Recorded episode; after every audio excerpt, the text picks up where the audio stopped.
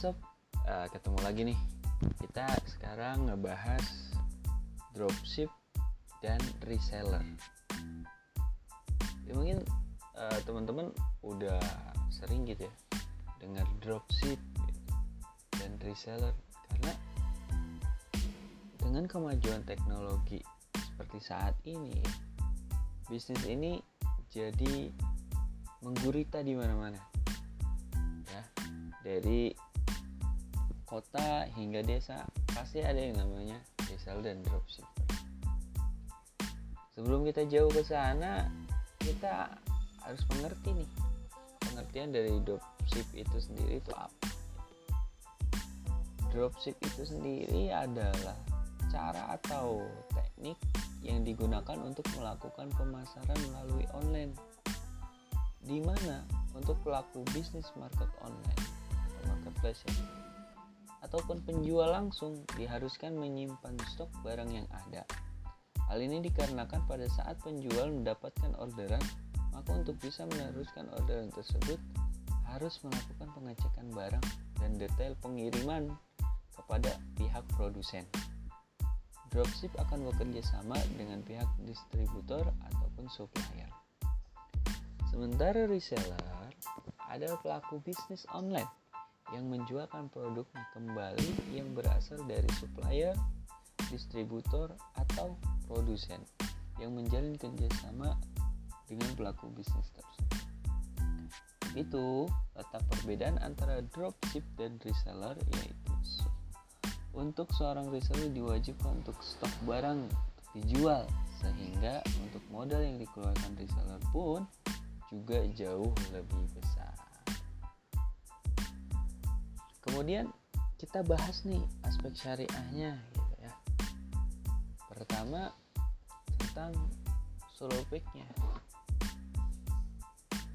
Di firman Allah Subhanahu wa taala dalam surah An-Nisa ayat 29 yang artinya Hai orang-orang yang beriman, janganlah kalian saling memakan atau mengambil harta sesamamu dengan jalan yang batil, kecuali dengan jalan perniagaan yang berlaku dengan sukarela di antaramu.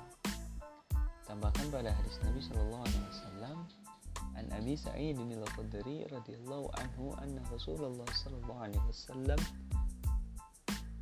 qala innamal bai'u antaradin yang artinya dari Abu Sa'id al Khudri bahwa Rasulullah Shallallahu Alaihi Wasallam bersabda, sungguhnya jual beli itu harus dilakukan suka sama suka.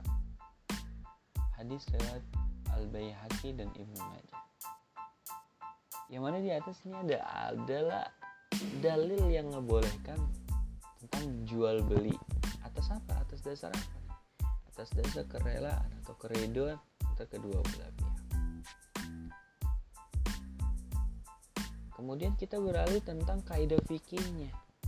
Kaidah fikihnya itu adalah al asli fil muamalati al ibahatu illa ayyadulla dalilun ala tahrimiha yaitu pada dasarnya semua bentuk muamalah itu boleh dilakukan kecuali ada dalil yang mengharamkan dengan ini menjelaskan bahwa setiap kegiatan yang ada di ranah muamalah itu dasarnya boleh hingga nanti ditemukan dalil yang mengharamkan hal tersebut. Kemudian kita beralih ke makosidu syariahnya nih. Kita lihat makosidu syariah daripada dropshipper ini memudahkan transaksi penjualan dan pemasaran dalam suatu bisnis atau jasa dengan mudahnya jejaring pemasaran yang ini lebih dikenal lagi dengan orang banyak dan lebih memungkinkan kembali terjualnya barang tersebut. Dan apabila barang tersebut terjual, maka terpenuhilah kebutuhan-kebutuhan manusia ataupun sumber daya manusia yang mengolahnya. Yang keempat adalah fikih muamalah. Apa sih yang dilihat dari dropship ataupun reseller ini yakni adalah sistem jual beli tidak tunai eh, kemudian disistematisasi, disistematisasi dengan ijaroh ya ijaroh atau imbalan dengan skema fee atau bonus dengan bentuk kerjasamanya antar produsen sesuai dengan fatwa DSN MUI nomor 9 tahun 2000. Imbalan yang diterima oleh dropshipper atau reseller ini bisa berbentuk nominal tertentu atau persentase yang telah disepakati antar produsen dan dropshipper. Kalau kita runut ke regulasi atau dari fatwa DSN MUI yang nomor 9 itu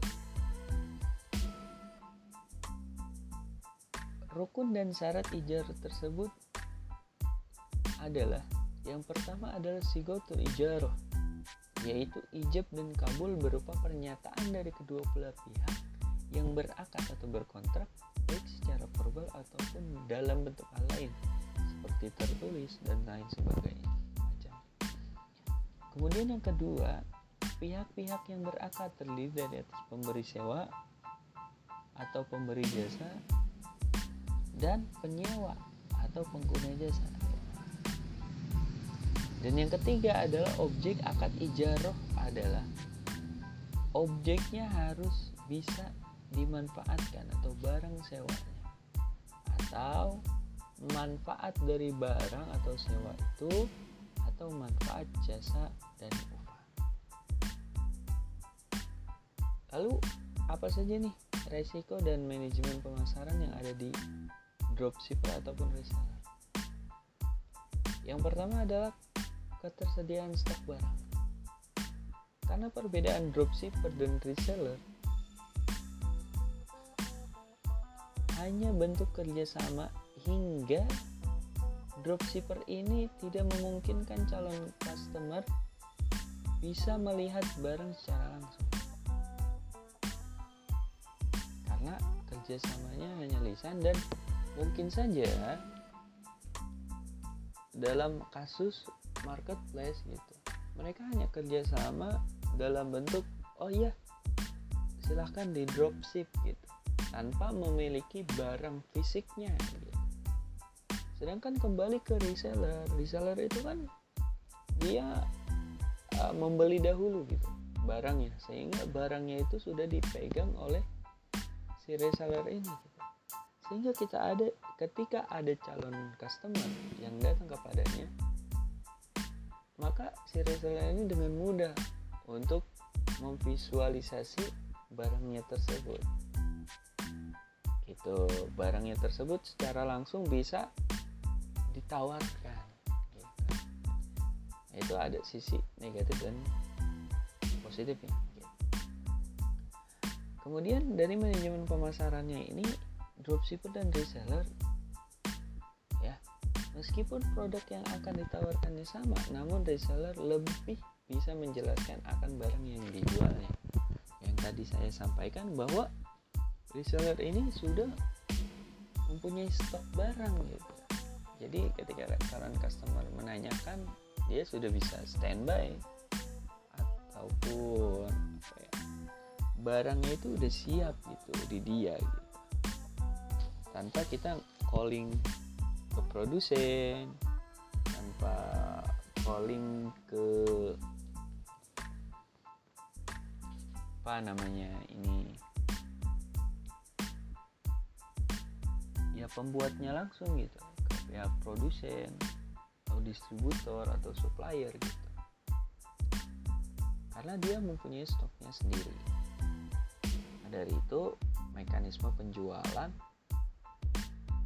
dropship dan reseller ini diperkenankan dengan melihat atau mengerti batasan-batasan yang syariah atau agama Islam mengaturnya di dalam tersebut.